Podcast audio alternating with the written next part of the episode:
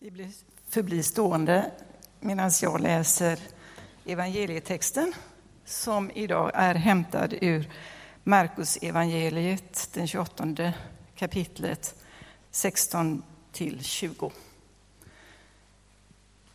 Jesus sänder ut sina lärjungar. De elva lärjungarna begav sig till Galileen och det berg dit Jesus hade befallt dem att gå. När de fick se honom där föll de ner och hyllade honom. Men några tvivlade. Då gick Jesus fram till dem och talade till dem. Åt mig har getts all makt i himlen och på jorden. Gå därför ut och gör alla folk till lärjungar. Döp dem i Faderns och Sonens och den helige Andens namn och lär dem att hålla alla de bud jag har gett er. Och jag är med er alla dagar till tidens slut. Så lyder det heliga evangeliet.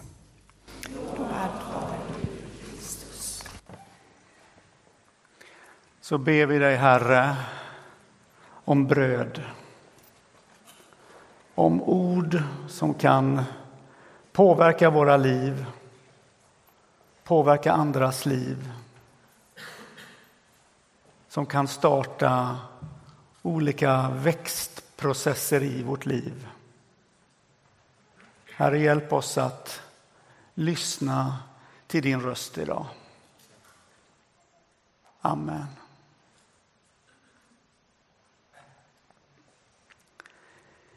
Ibland så kan man ju höra att Sverige är lite som landet lagom. Att vi inte riktigt sticker ut. Vi är varken för mycket eller för lite. Vi är lagom. Känner ni igen er i det? Och vi kan nästan vara stolta över att ordet lagom, det finns bara i det svenska språket. Är inte det fantastiskt? Du vet, man ska tro på sig själv. Det är ju bra, det tycker vi.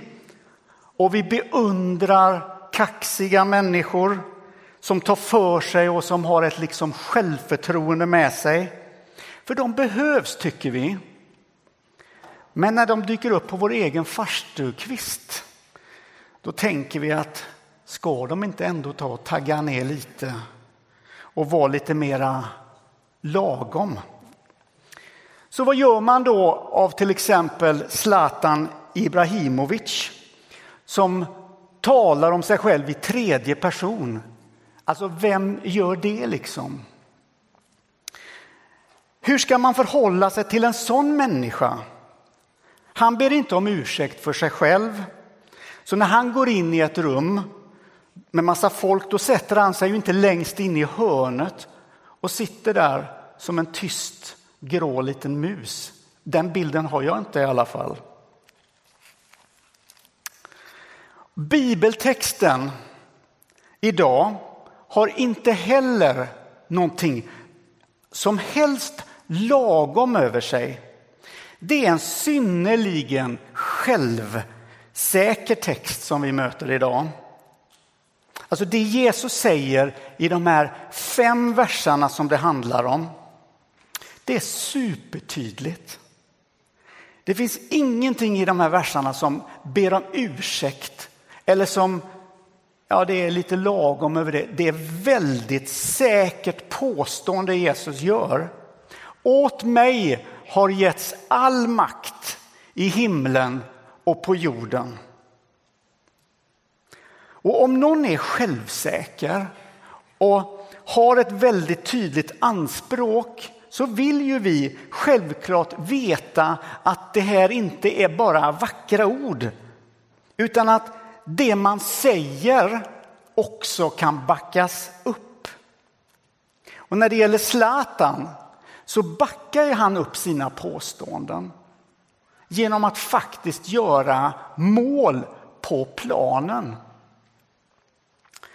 Vågar vi tro att Jesus har den yttersta positionen av makt som vår text talar om. Vågar jag tro att den makten hos Jesus kommer backa upp mitt liv som kristen? För man vill ju inte att det ska bli som den här omtalade FIRE-festivalen som skulle gå av stapeln, tror jag, för förrförra året. Några killar som började drömma om att göra en festival på en paradisö i Bahamas. Dit de ville få de allra hetaste, rikaste, mest kända unga människor att komma. Och man byggde upp en sån hype i sociala med medier, en sån förväntan. Och så sålde man exklusiva förköpsbiljetter för alldeles hisnande summor. Och när festivalen skulle gå av stapeln april 2017 så kom folk till den här ön. Men allt var bara ett luftslott. Det fanns inga exklusiva villor som han hade lovat. Inga beachpartyn. Inga förstklassiga konserter. Inga lyxrestauranger. Istället hade arrangörerna ställt ut ett gäng blöta tält som man skulle kunna sova i och så portionerade man ut kalla rostmackor med färdigskivad ost och en klick med salladsdressing. Verkligheten var den att man inte levererade någonting av det som man hade utlovat. Man hade helt enkelt inte grund för sina påståenden. Det fanns inget bakom, det hela var bara ett luftslott. Så in i vår läsning av dagens utmanande och självsäkra text så behöver vi ställa frågan om vi vågar tro att Jesus har den makt som han säger sig ha. Att han har någonting mer att komma och backa upp det än bara fina ord. För han är väl inte en i raden av vältaliga idealister utan egentlig substans bakom. För vi vill ju inte plötsligt inse att vi har blivit lurade och allt som har utlovats, ja, det var bara ett luftslott. Vi vill ju inte stå där liksom med lång näsa och på sin höjd bli serverade en kall ynklig rostmacka med färdigskivad ost och en klick med salladsdressing på. Vi vill ju inte, göra, vi vill inte hamna i det läget. Lyssna på Jesu anspråk. Åt mig har getts all makt i himlen och på jorden. Gå därför ut och gör alla folk till lärjungar, säger Jesus. När Jesus har bett lärjungarna att komma till det här berget som de är på. Och lägg märke till det viktiga ordet därför. Därför att det är själva förutsättningen för att det ska funka. Och han lämnar bildligt talat över stafettpinnen till lärjungarna. För nu var det dags att gå ut i världen och låta fler få höra och ta del av evangeliet om Jesus Kristus. Men lärjungarna skulle inte göra det här på egen hand i någon slags självuppblåst kraft. För så kan det ju vara i våra liv ibland. Det är som att blåsa upp en luftballong eller luftmadrass eh, så har du inte någon pump. Så ska du stå där och blåsa. Hur känns det? Den känslan kan ju vi ibland ha i våra liv. Det handlar inte om oss, utan man skulle leva med den här makten som beskrivs. Men leva med den makten i ryggen och i den helige andes kraft här inne i hjärtat. Så texten idag, den vill få oss som läsare eller lyssnare att förstå själva maktordningen. Alltså att allting hänger inte på oss, även om vi ibland och åter och åter kanske hamnar i den positionen att vi någonstans tror det. Allt hänger ytterst på Gud. När vi vänder på den maktordningen och vi blir subjektet för allting, det är då vi kroknar som kristna, som människor. Det är då vi sakta men säkert faller isär. Du kanske reagerar på ordet makt. All makt är ju inte bra. Det finns ju makt för maktens skull. Makten som roffar åt sig. Makt som förtrycker den som är svag. Den makten som vi talar om här, jag tycker det är viktigt att säga det, det är den goda makten som har sitt ursprung i, kär, i den utgivande kärleken. Och för att förstå mer av den goda makten och vad den innebär när vi nu tar avstånd i vår text idag så måste vi tala om den treenige guden. För idag är det den heliga trefaldighetsdag. Och vi går nu in i trefaldighetstiden i kyrkoåret. Och det gör vi nu och det varar ända fram till söndagen innan advent. Och nu är vi inne i den tiden då frågorna ställs in i varje församlingsgemenskap. Hur påverkas jag av sättet? Hur påverkas jag? Hur påverkas sättet jag lever i den här världen av det faktum att Jesus har dött och uppstått? Och bibeltexterna vi läser vill få oss att reflektera. Vad är det som växer i mitt liv? Hur lever jag mitt liv? Var har jag mitt fokus? Den typen av frågor tar trefaldighetstiden upp. Åt mig har getts all makt, säger Jesus. Getts. Vem har gett honom den makten, kan man undra. Jo, Fadern har gett honom maktens nycklar. Nycklar som passar in i världens allra mest rostiga låskolvar som inte har varit upplåsta på kanske lång, lång tid. Nycklar som öppnar ensamma hjärtan. Nycklar som befriar den som är fången. Nycklar som kan låsa hela jordens skälvande framtid. Allt bygger på Fadern. Fadern i treenigheten. Han är den tankemässiga motorn. Han är the mastermind om du så vill. Planeraren, den kreativa skaparen.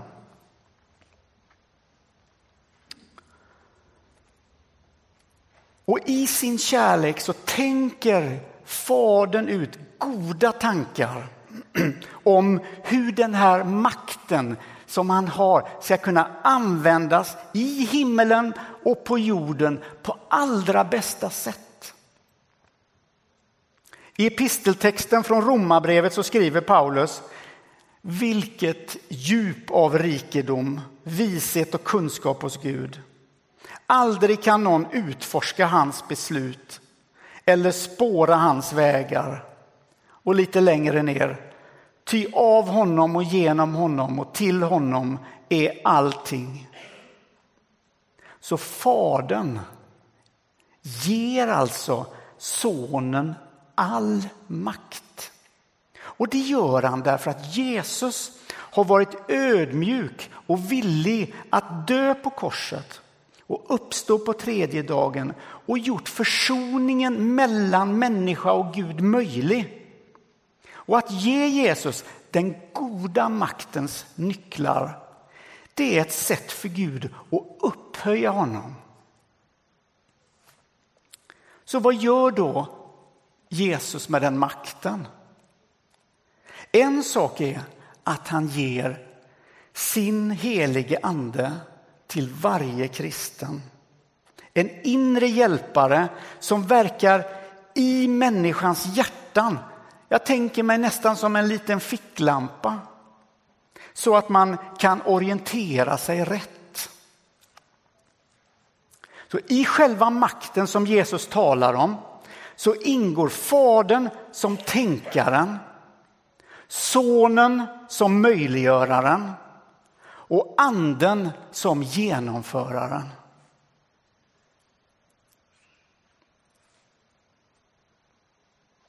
Har du läst boken om de tre musketörerna? Alexander Dumas bok. Eller kanske du har sett filmen. Möjligtvis. Där Atos, Aramis och Portos sida vid sida kämpar i det godas tjänst.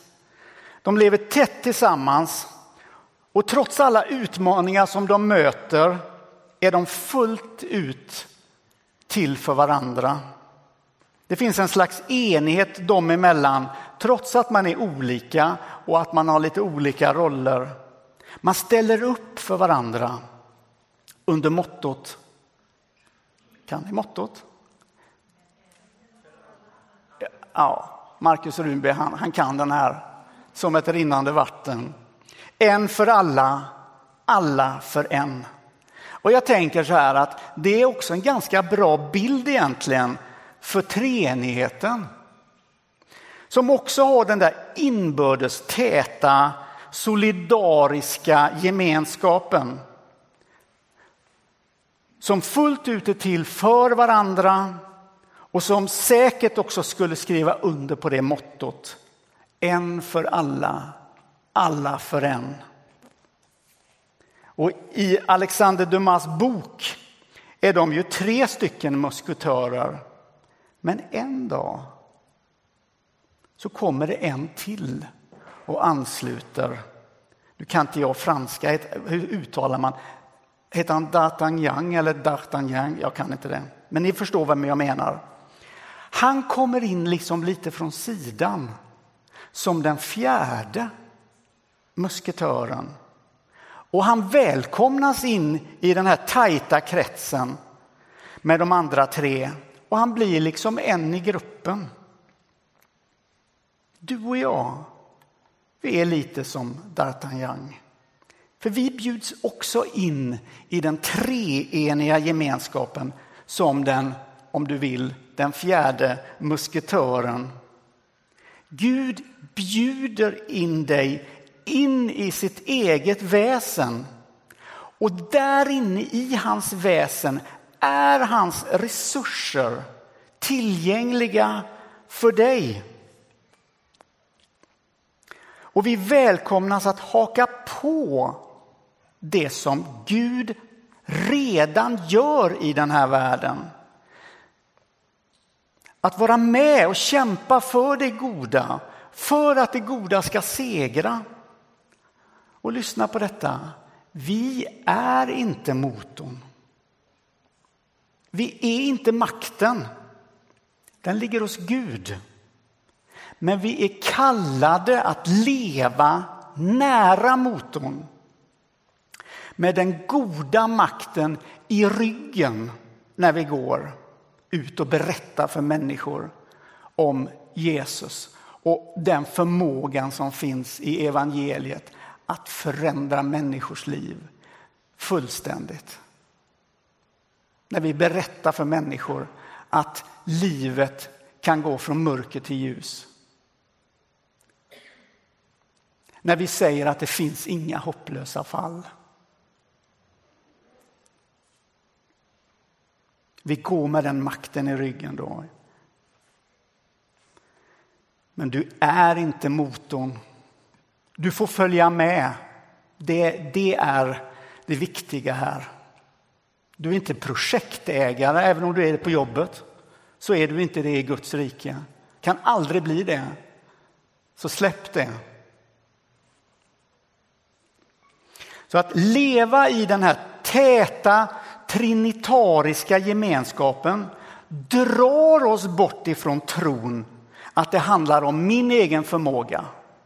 Att att det där vi kretsar, om, kretsar kring hela tiden, kring vår eh, eh, vår egen prestation och så vidare i det här. Eller ja, jag gör för lite, jag gör inte tillräckligt, alla andra är så duktiga. Och hela, den här, hela det tänkandet.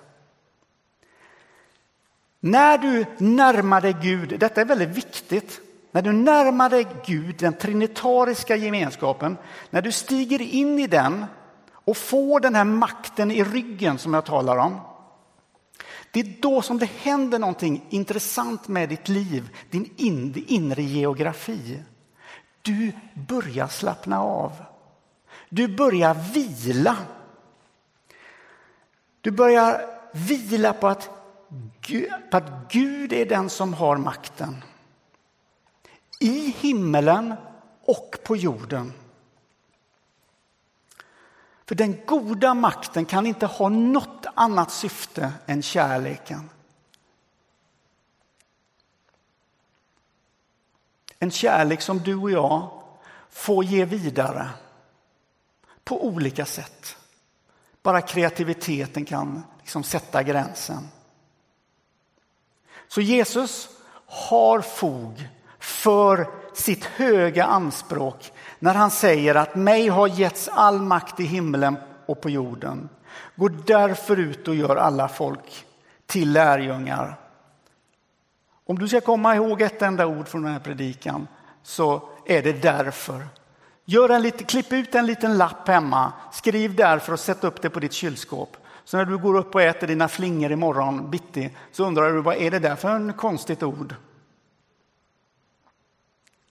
Därför är, är det, det, det allra viktigaste här. Mig har getts all makt i himlen och på jorden. Därför kan ni gå ut och göra alla folk till lärjungar.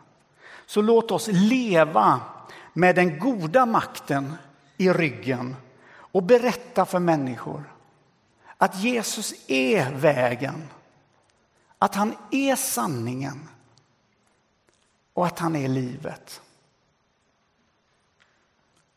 Amen.